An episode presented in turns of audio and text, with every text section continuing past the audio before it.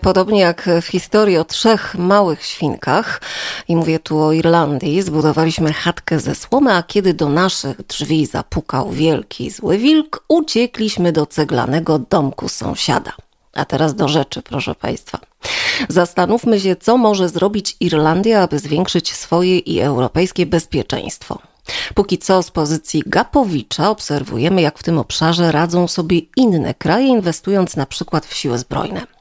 Własnej obronności nie traktujemy poważnie, jednak uporanie się z tym problemem wcale nie musi być aż tak problematyczne. Zdecydowanie trzeba by zacząć od reformy marynarki wojennej.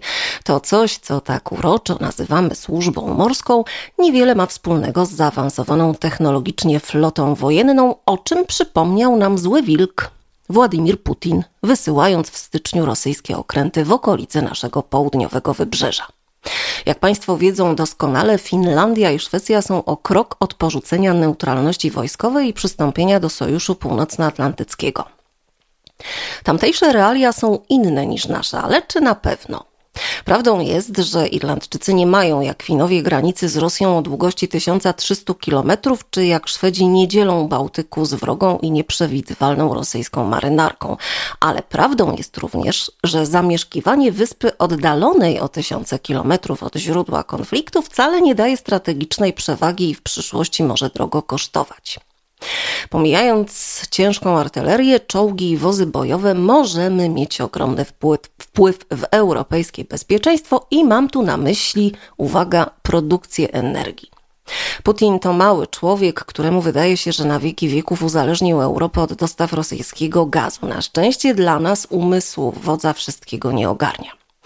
Z powodu gwałtownie rosnących cen niektórych nośników energii, tylko w tym miesiącu niestety, Rosja zgarnie prawie 9 miliardów euro.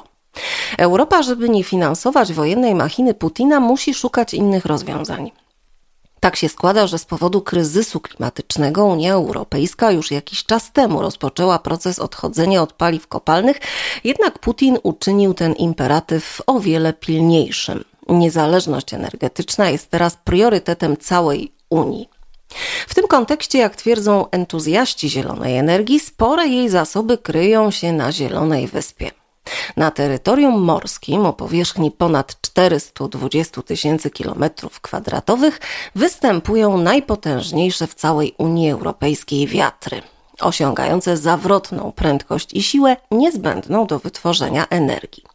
To stawia Irlandię w pozycji, której nigdy wcześniej nie zajmowała. Jeśli faktycznie zostanie znaczącym eksporterem czystej i odnawialnej energii na stary kontynent, to może stanie na czele nowej rewolucji przemysłowej.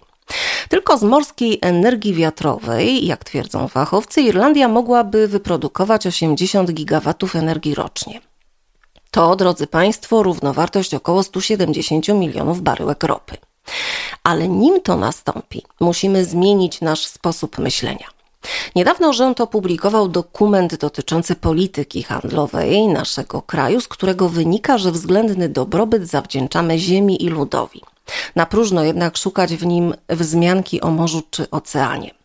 Chociaż późniejsze przemówienie premiera Martina na temat ogromnego potencjału i możliwości w zakresie rozwoju energii odnawialnej w wybrzeża Atlantyku można by uznać za światełko w tunelu, gdyby nie fakt, że istnieje niewielki związek między świadomością a polityką handlową lub praktycznym zarządzaniem. Dla przykładu, uzyskanie licencji tylko na przybrzeżne badanie lokalizacji farm wiatrowych w Wielkiej Brytanii zajmuje 24 tygodnie, a u nas również 24, z tym, że miesiące. Niepewność odstrasza potencjalnych inwestorów, no i oczywiście nasze nastawienie. Spędziliśmy za dużo czasu wmawiając sobie, że nie mamy zasobów naturalnych. Dlatego teraz trudno nam pojąć, że w ciągu dekady możemy stać się poważnym eksporterem energii. Nasi ukraińscy przyjaciele nie potrzebują gorącej atmosfery unoszącej się nad póki co daremną debatą o przystąpieniu do NATO, a raczej szybkiego okiełznania zimnego wiatru, które bujają się teraz gdzieś nad Atlantykiem.